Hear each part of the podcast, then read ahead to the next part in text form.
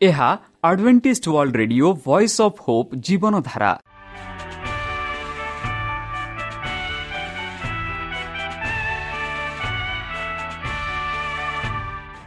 Odia radio କାର୍ଯ୍ୟକ୍ରମ ଯାହା ଆମର ଆନ୍ତର୍ଜାତୀୟ ଆଘାତ କେନ୍ଦ୍ରରୁ ପ୍ରସାରଣ କରାଯାଉଛି ପ୍ରତିଦିନ ରାତି ନଅଟା ତିରିଶ ମିନିଟ୍ରେ। ମୁଁ ସୁବ୍ରତ କୁମାର ପତି ପ୍ରେମର ସହ ଆପଣମାନଙ୍କୁ ଏହି କାର୍ଯ୍ୟକ୍ରମକୁ ସ୍ୱାଗତ କରୁଅଛି। ଚାଲନ୍ତୁ ଆଜିର ତିରିଶ ମିନିଟ୍ର କାର୍ଯ୍ୟକ୍ରମ ବିଷୟରେ ଜାଣିନେବା। ପ୍ରଥମେ ରଖିଛୁ ଆଧ୍ୟାତ୍ମିକ ଭକ୍ତିମୟ ଗୀତ। ଭକ୍ତଙ୍କଠାରୁ ଜୀବନଦାୟକ ଈଶ୍ୱରଙ୍କ ବାକ୍ୟ। ପ୍ରିୟ ଶ୍ରୋତା ତାହେଲେ ଚାଲନ୍ତୁ ଶୁଣିବା ଏକ ଆଧ୍ୟାତ୍ମିକ ଭକ୍ତିମୟ ଗୀତ।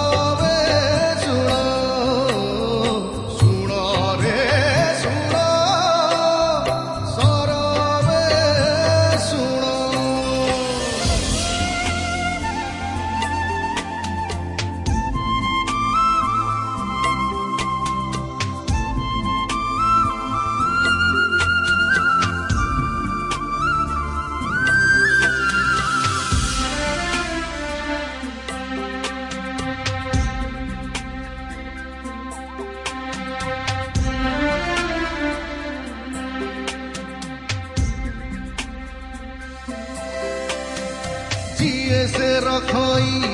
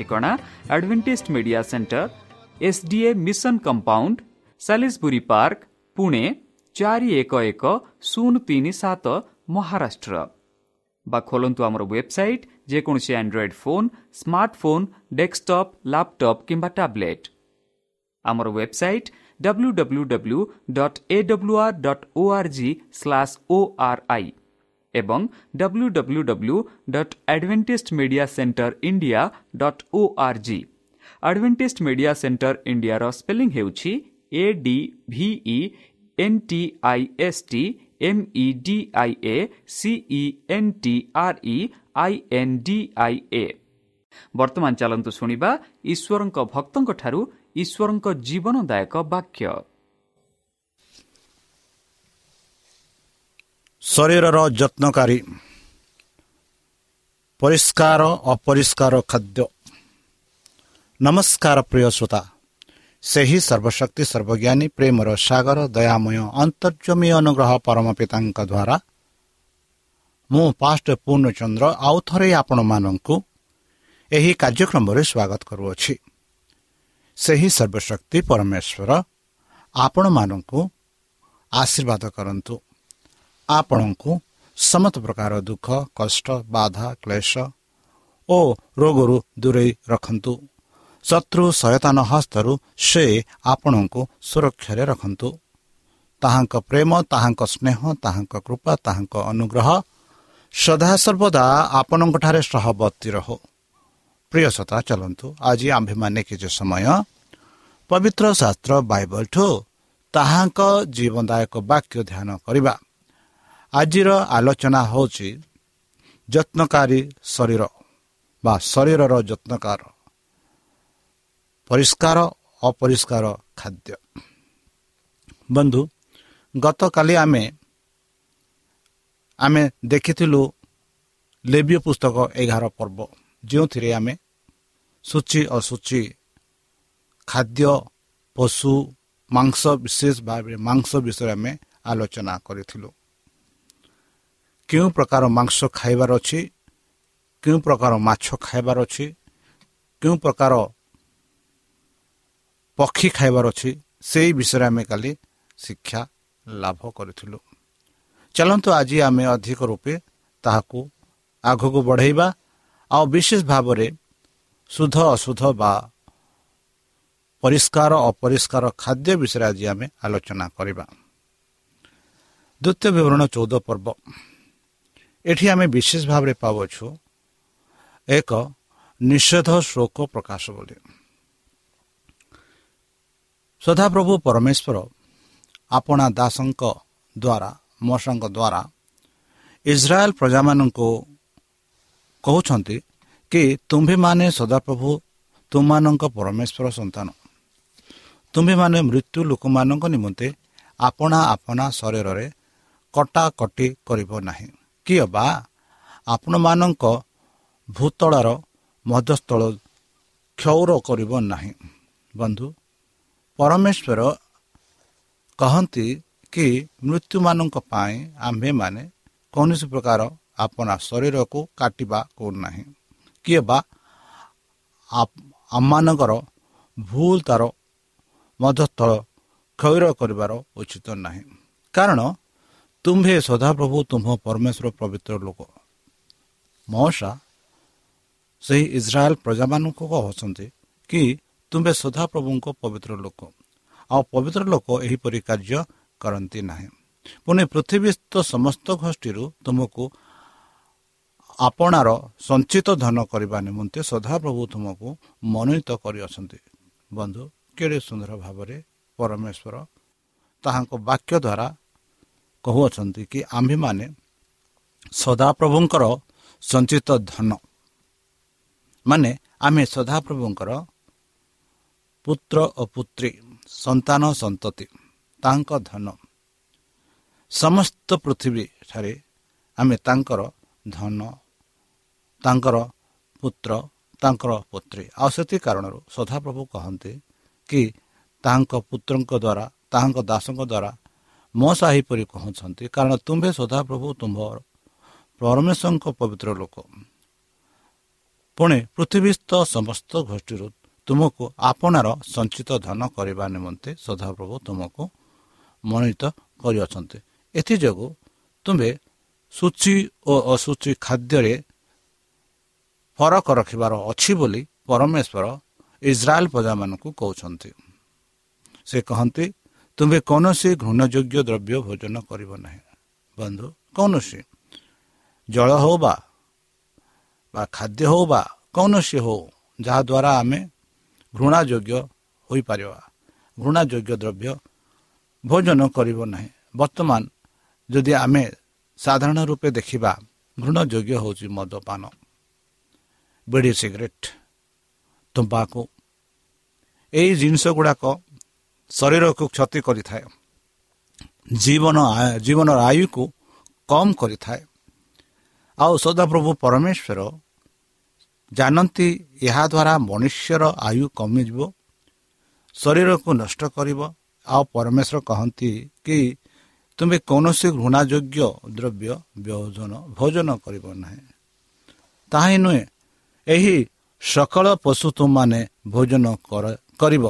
ସେ କହନ୍ତି ଏହି ପଶୁମାନଙ୍କ ଠାରୁ ତୁମେ ଭୋଜନ କରିବ। ଯଥା ଯଥା ଗୋରୁ ମେଷ ଛେଲି ହରିଣ ଓ କୃଷ୍ଣସାର ଓ ବନଗୋରୁ ଓ ବନ ଛାଗ ଓ ଗବୟ ଓ ବାହୁ ଠିଆ ହରିଣ ଓ ତମ୍ଭୁର ଏହିସବୁ ତୁମେ ଭୋଜନ କରିପାରିବ ବୋଲି ପରମେଶ୍ୱର କହୁଛନ୍ତି। ପଶୁଗଣ ମଧ୍ୟରୁ ଯେତେ ପଶୁ ବିଭକ୍ତ ଖୁରା ଓ ଦୁଖଣ୍ଡ ଖୁରା ବିଭଷ୍ଟ ଓ ପାକୁଳି କରନ୍ତି ସେସବୁ ତୁମ୍ଭେମାନେ ଭୋଜନ କରିପାରିବ ବୋଲି ପରମେଶ୍ୱର ଆମମାନଙ୍କୁ କହୁଛନ୍ତି। ଏହିସବୁ ତୁମର ଖାଦ୍ୟ ହେବ ବୋଲି ପରମେଶ୍ୱର ଆମମାନଙ୍କୁ ଆଦେଶ ଦେଉଛନ୍ତି। ଯେପରିକି ଗୋରୁ ମେଷ ଛେଲି ହରିଣ ଓ କୃଷସାର ଓ ବନଗୋରୁ ଓ ବନ ଛାଗ ଓ ଗୋବୟ ଓ ବାହୁଟିଆ ହରିଣ ଓ ଚମ୍ବୁରୁ ଏହି ପଶୁମାନେ ତୁମେ ଖାଇପାରିବ ବୋଲି ପରମେଶ୍ୱର କହୁଛନ୍ତି ବା ଭୋଜନ ହିସାବରେ ବ୍ୟବହାର କରିପାରିବ ବୋଲି ପରମେଶ୍ୱର ଆମମାନଙ୍କୁ କହୁଛନ୍ତି। ମାତ୍ର ଯେଉଁମାନେ ପାକୁଳି କରନ୍ତି ନାହିଁ ଅବା ଖଣ୍ଡ ଖୁରା ବିଶିଷ୍ଟ ଅଟନ୍ତି ସେମାନଙ୍କ ମଧ୍ୟରୁ ଏହିସବୁ ଭୋଜନ କରିବ ନାହିଁ। ଯଥା ଓଟ ଠେକୁଆ ସାପନ ପଶୁ କାରଣ ସେମାନେ ପାକୁଳି କରନ୍ତି। ମାତ୍ର ଦୁଇ ଖଣ୍ଡ ଖୋରା ବିଶିଷ୍ଟ ନୁହନ୍ତି। ସେମାନେ ତୁମାନଙ୍କ ପ୍ରତି ଅସୁଚି ବୋଲି ପରମେଶ୍ୱର କହନ୍ତି। ଯାହା ଖାଇବାର ଆବଶ୍ୟକ ନାହିଁ ଯେପରିକି ଓଟ ଠେକୁଆ ସାପନ ପଶୁ କାରଣ ସେମାନେ ପାକୁଳି କରନ୍ତି। ମାତ୍ର ସେମାନଙ୍କ ଦୁଇ ଖଣ୍ଡ ଖୁଚୁରା ବିଶିଷ୍ଟ ନାହିଁ। ଏଥି କାରଣରୁ ସେମାନେ ତୁମାନଙ୍କ ପାଇଁ ଅସୁଚି ବୋଲି ପରମେଶ୍ୱର କହୁଛନ୍ତି। ବନ୍ଧୁ ବିଶେଷ ଭାବରେ ଯଦି ଆମେ ଦେଖିବା ଓଟୋ ଓଟୋ ଆରାବିଆ ଦେଶରେ ଆମ ଭାରତ ଦେଶରେ ରାଜସ୍ଥାନ ଦେଶରେ ବି ଅଧିକାଂଶ ଲୋକ ଓଟୋ ପାଳନ କରନ୍ତି। ଆଉ ଦୁଇ ଠେକୁଆ ଠେକୁଆ ସାଧାରଣ ସାରା ଭାରତ ଦେଶରେ ଆଉ ପୃଥିବୀରେ ବି ଠେକୁଆ ବାଣ୍ଟ କରନ୍ତି ଠେକୁଆ ପୋଷନ୍ତି। ମାତ୍ର ପବିତ୍ର ଶାସ୍ତ୍ର ବାଇବଲ ମାନଙ୍କୁ କହୁଛି କି ଓଟୋ ଆଉ ଠେକୁଆ ଓ ସାପନ ଏହି ତିନି ଜନ୍ତୁ ଏହି ତିନି ପଶୁ ସେମାନଙ୍କ ସେମାନେ ପାକୁଳି କରନ୍ତି। ମାତ୍ର ସେମାନଙ୍କର ଦୁଇ ଖଣ୍ଡ ଖୁଚୁରା ବିଶିଷ୍ଟ ନାହିଁ। ଏଥିଯୋଗୁଁ ପରମେଶ୍ୱର ମନା କରୁଛନ୍ତି କି ଏହି ସବୁ ପଶୁ ତୁମମାନଙ୍କ ପାଇଁ ଆସୁଛି ଆଉ ଏହି ପଶୁର ମାଂସ ବା ଏହି ପଶୁର କ୍ଷୀର ମାନେ କ୍ଷୀର ପିଇବାର ନାହିଁ ବୋଲି ପରମେଶ୍ୱର ମାନଙ୍କୁ ଆଦେଶ ଦେଉଛନ୍ତି।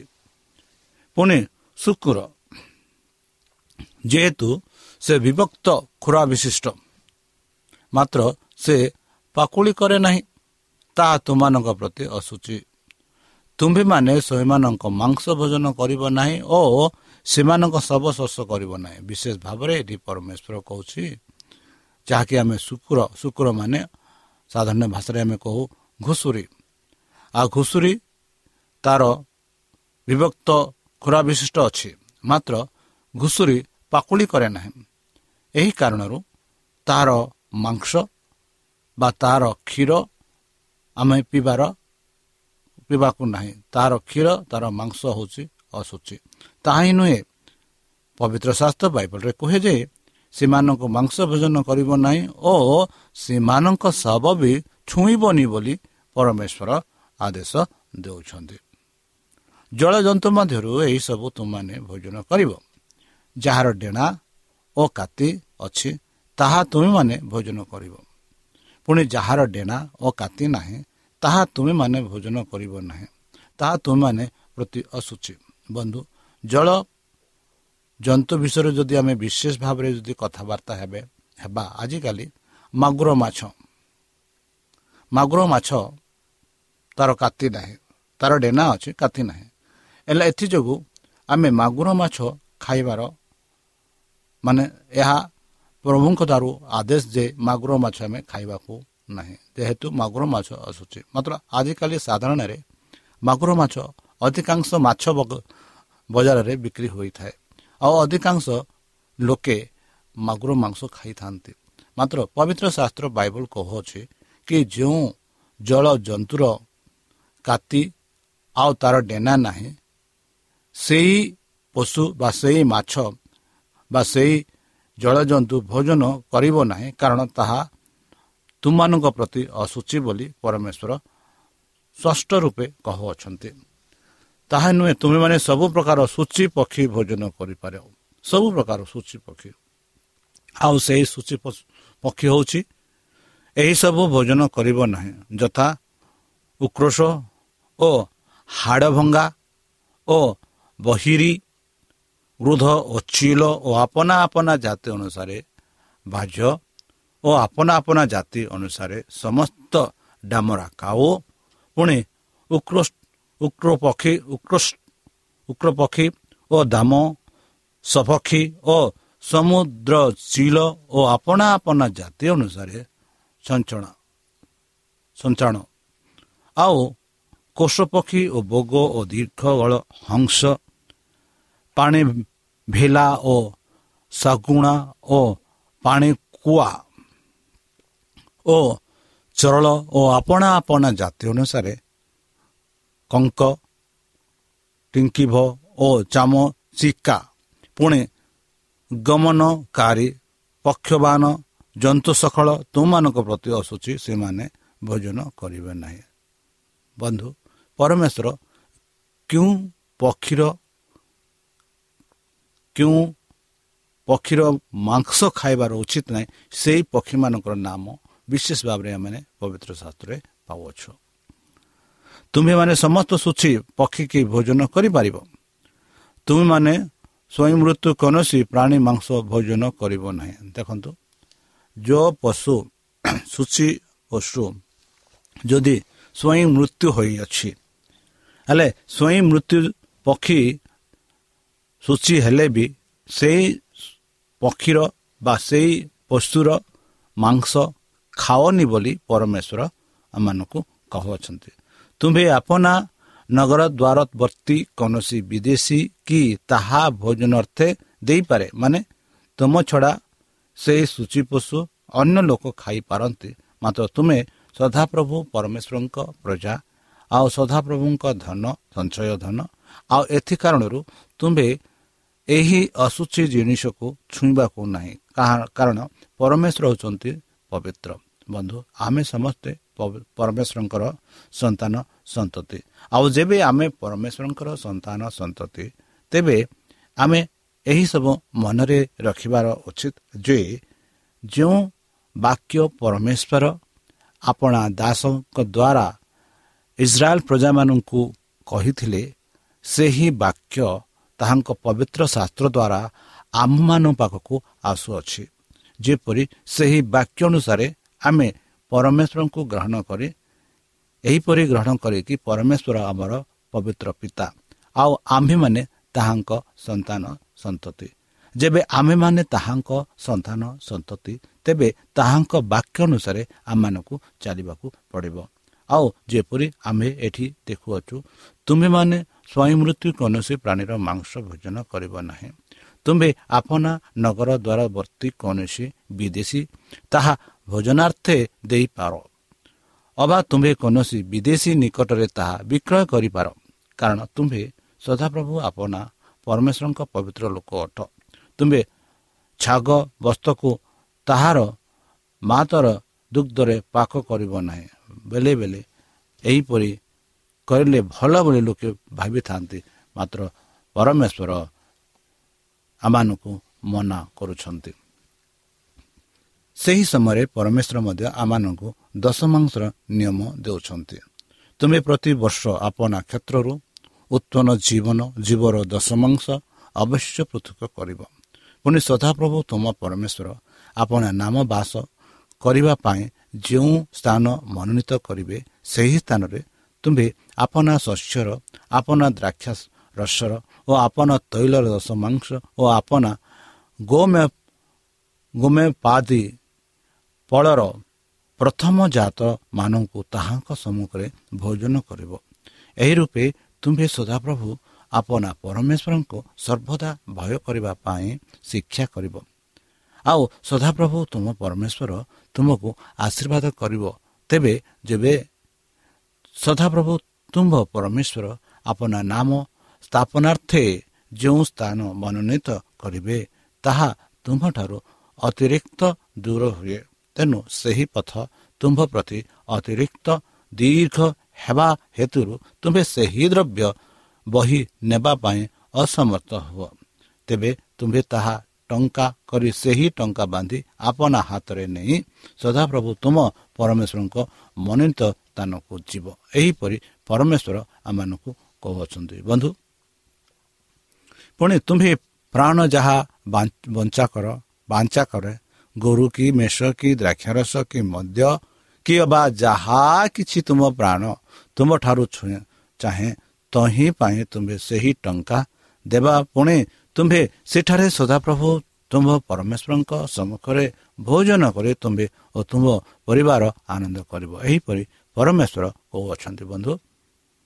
ଆଉ ତୁମ୍ଭେ ଆପଣା ନଗର ଦ୍ୱାରବର୍ତ୍ତୀ ଲେବିୟ ଲୋକଙ୍କୁ ତ୍ୟାଗ କରିବ ନାହିଁ। କାରଣ ସେ ତୁମ୍ଭ ସଙ୍ଗରେ କୌଣସି ଅଂଶ କି ଅଧିକାର ପାଇନାହିଁ ପ୍ରତି ଦ୍ୱିତୀୟ ବର୍ଷର ଶେଷରେ ତୁମ୍ଭେ ସେହି ବର୍ଷର ଉତ୍ପନ୍ନ ଆପଣା ଶସ୍ୟଦୀର ସମସ୍ତ ଦଶ ମାଂସ ବାହାର କରି ଆଣି ଆପଣା ନଗର ଦ୍ୱାର ଭିତରେ ସଞ୍ଚୟ କରି ରଖିବ। ଆଉ ଲେବିୟ ଲୋକ ତୁମ୍ଭ ସଙ୍ଗରେ କୌଣସି ଅଂଶ କି ଅଧିକାର ନ ପାଇବାରୁ ସେ ଓ ତୁମ୍ଭ ନଗର ଦ୍ୱାରରେ ଥିବା ବିଦେଶୀ ଓ ପୃଥିବୀହୀନ ବିଧବା ଏମାନେ ଆସି ଭୋଜନ କରି ତୃପ୍ତ ହେବେ। ତହିଁ ସଦାପ୍ରଭୁ ତୁମ ପରମେଶ୍ୱର। ତୁମ ହସ୍ତକୃତ ସମସ୍ତ କର୍ମରେ ତୁମକୁ ଆଶୀର୍ବାଦ କରିବ। ବନ୍ଧୁ ଏହା ହେଉଛି ସଦାପ୍ରଭୁଙ୍କର ଆଦେଶ। କି ପ୍ରକାର ଆମେ ସଦାପ୍ରଭୁଙ୍କ ସମ୍ମୁଖରେ ଭୋଜନ କରିବା ସେହି ସୁଛି ଭୋଜନ। ଆମେ ଯଦି ମାର୍କ ପାଞ୍ଚ ଏଠୁ ତେରରେ ପଢ଼ିବା ସେଠି ଆମେ ପାଉଅଛୁ କି ବାହିନୀ ଭୂତଗ୍ରସ୍ତ ଲୋକର ସୁସ୍ଥତା। ବନ୍ଧୁ ପରେ ସେମାନେ ସମୁଦ୍ରର ପର ପାରସ୍ତ କାରାସିଅ ମାନଙ୍କ ଅଞ୍ଚଳରେ ଉପସ୍ଥିତ ହେଲେ। ବନ୍ଧୁ ଏହା ବିଷୟରେ ଆମେ କାଲିକୁ ଆଲୋଚନା କରିବା। ବିଶେଷ ଭାବରେ ଆଜି ଯେଉଁ ବାକ୍ୟ ସେହି ସଦାପ୍ରଭୁଙ୍କ ବାକ୍ୟ ଦ୍ୱାରା ଆମେ ଶୁଣିଲୁ କି ପରମେଶ୍ୱର ଆମମାନଙ୍କୁ ଏକ ବିଶେଷ ଖାଦ୍ୟ ଦେଇଛନ୍ତି ଆଉ ବିଶେଷ ପଶୁ ଦେଇଛନ୍ତି ବିଶେଷ ମାଛ ଦେଇଛନ୍ତି ଯାହାଦ୍ୱାରା ଆମେ ପବିତ୍ର ହୋଇପାରିବା ସଦାପ୍ରଭୁଙ୍କ ସମ୍ମୁଖରେ ଆମେ ପବିତ୍ର ରୂପେ ଛିଡ଼ା ହୋଇପାରିବା ଗ୍ରହଣୀୟ ହୋଇପାରିବା ତାହା ନିମନ୍ତେ ପରମେଶ୍ୱର ଆମମାନଙ୍କୁ କି ପ୍ରକାର ପକ୍ଷୀ କି ପ୍ରକାର ପଶୁ କି ପ୍ରକାର ଜନ୍ତୁ ଖାଇବାର ଉଚିତ ବା ଭୋଜନ କରିବାର ଉଚିତ ଆଉ ଭୋଜନ ନ କରିବା ଉଚିତ ସେହି ବିଷୟରେ ପରମେଶ୍ୱର ଆମମାନଙ୍କୁ କହିଛନ୍ତି। ଗତକାଲି ଆମେ ଏହା ବିଷୟରେ ଆଲୋଚନା କରିଥିଲୁ ଆଜି ବି ଏହି ବିଷୟରେ ଆଲୋଚନା କରିଲୁ। ତାହେଲେ ବନ୍ଧୁ ମୁଁ ଆଶା କରୁଛି କି ଆପଣମାନଙ୍କ ଦିନ ଦୈନିକ ଜୀବନରେ ଏହି ବିଷୟରେ ମନେ ରଖି ନିଜ ହୃଦୟକୁ ନିଜ ଶରୀରକୁ ଯତ୍ନ ନେଇ ଶୁଦ୍ଧ ଜିନିଷ ଖାଇବା ପବିତ୍ର ଜିନିଷ ଖାଇବା ସୂଚି ଜିନିଷ ଖାଇବା ଯେପରି ପବିତ୍ର ଶାସ୍ତ୍ରରେ କହିଅଛି ସେହିପରି ଯଦି କରିବା ତାହେଲେ ନିଶ୍ଚିତ ରୂପେ ଆମେ ସେହି ସ୍ୱର୍ଗ ଅଧିକାର ହୋଇପାରିବା। ଯେହେତୁ ଆମେମାନେ ସେହି ପବିତ୍ର ଈଶ୍ୱରଙ୍କୁ ପୂଜା ଆରାଧନା କରୁ। ଆଉ ଯେବେ ପବିତ୍ର ଈଶ୍ୱରଙ୍କୁ ଆମେ ପୂଜା ଆରାଧନା କରୁ ତେବେ ଆମମାନଙ୍କର କର୍ତ୍ତବ୍ୟ କି ଆମେମାନେ ମଧ୍ୟ ପବିତ୍ର ରୂପେ ଥିବା। ପରମେଶ୍ୱର ଯେପରି ଆମମାନଙ୍କ ପବିତ୍ର ପାଇଁ ଶୁଦ୍ଧ ପାଇଁ ଏକ ନିଷ୍କଙ୍କ ପାଇଁ ସ୍ୱସ୍ଥ ଜୀବନ ରହିବା ପାଇଁ ପରିଷ୍କାର ଜିନିଷ ଖାଇବା ପାଇଁ କହିଛନ୍ତି ଆଉ ସେହି ଅପରିଷ୍କାର ଜିନିଷ ନ ଖାଇବା ପାଇଁ କହିଛନ୍ତି ଯଦି ଆମେ ସେହିପରି କରିବା ନିଶ୍ଚିତ ରୂପେ ପରମେଶ୍ୱର ଆମମାନଙ୍କୁ ଆଶୀର୍ବାଦ କରିବେ। ତାହେଲେ ପ୍ରିୟସତା ଚାଲନ୍ତୁ ସେହି ପରମେଶ୍ୱରଙ୍କଠାରେ ନିଜକୁ ସମର୍ପଣ କରି ତାହାଙ୍କ ମଧ୍ୟ ନାମରେ ଆମେ ପ୍ରାର୍ଥନା ଉତ୍ସର୍ଗ କରିବା। ହେ ଆମମାନଙ୍କ ସର୍ବଶକ୍ତି ସର୍ବଜ୍ଞାନୀ ପ୍ରେମର ସାଗର ଦୟାମୟ ଅନ୍ତର୍ଜମୀ ଅନୁଗ୍ରହ ପରମ ପିତା। ଧନ୍ୟବାଦ ଅର୍ପଣ କରୁଛୁ ପ୍ରଭୁ ବର୍ତ୍ତମାନ ଯେଉଁ ବାକ୍ୟ ତୁମ ସେହି ଭକ୍ତ ଶୁଣାଇଲେ ସେହି ବାକ୍ୟ ଅନୁସାରେ ଏମାନଙ୍କୁ ଚାଲିବା ପାଇଁ ବୁଦ୍ଧିରେ ଜ୍ଞାନରେ ଶକ୍ତିରେ ପରିପୂର୍ଣ୍ଣ କର। ଆମ ପାପ ସବୁ ତୁମ ସେହି ବହୁମୂଲ୍ୟ ରକ୍ତରେ ପରିଷ୍କାର ରୂପେ ଧୋଇ ଦିଅ ସେହି ପବିତ୍ର ଆତ୍ମ ଦ୍ୱାରା ଆମମାନଙ୍କୁ ପରିଚାଳନା କର। ଆଉ ପରିଶେଷ ଯେବେ ତୁମ୍ଭେ ତୁମ ସେହି ସହସ୍ର ଦୂତଙ୍କ ସହ ଆପଣା ସାଧୁମାନଙ୍କ ସହ ଆସିବେ ସେତେବେଳେ ଆମମାନଙ୍କୁ ଏକ ସୁଯୋଗ ଦିଅ ବୋଲି ତ୍ରାଣକର୍ତ୍ତା ପ୍ରଭୁ ଯୀଶୁଙ୍କ ମଧୁରମୟ ନାମରେ ଏହି ଛୋଟ ବିକ୍ଷମ ହେଉଛି ଶୁଣି ଗ୍ରହଣ କର। ପ୍ରିୟ ଶ୍ରୋତା ଆମେ ଆଶା କରୁଛୁ ଯେ ଆମର କାର୍ଯ୍ୟକ୍ରମ ଆପଣମାନଙ୍କୁ ପସନ୍ଦ ଲାଗୁଥିବ। ଆପଣଙ୍କର ମତାମତ ଜଣାଇବା ପାଇଁ ଆମର ଏହି ଠିକଣାରେ ଯୋଗାଯୋଗ କରନ୍ତୁ। ଆମ ଠିକଣା Adventist Media Centre SDA Mission Compound Salisbury Park Pune ଚାରି ଏକ ଏକ ଶୂନ ତିନି ସାତ ମହାରାଷ୍ଟ୍ର। ବା ଖୋଲନ୍ତୁ ଆମର ୱେବସାଇଟ୍ ଯେକୌଣସି Android phone smartphone desktop laptop କିମ୍ବା ଟ୍ୟାବ୍ଲେଟ୍ ଆମର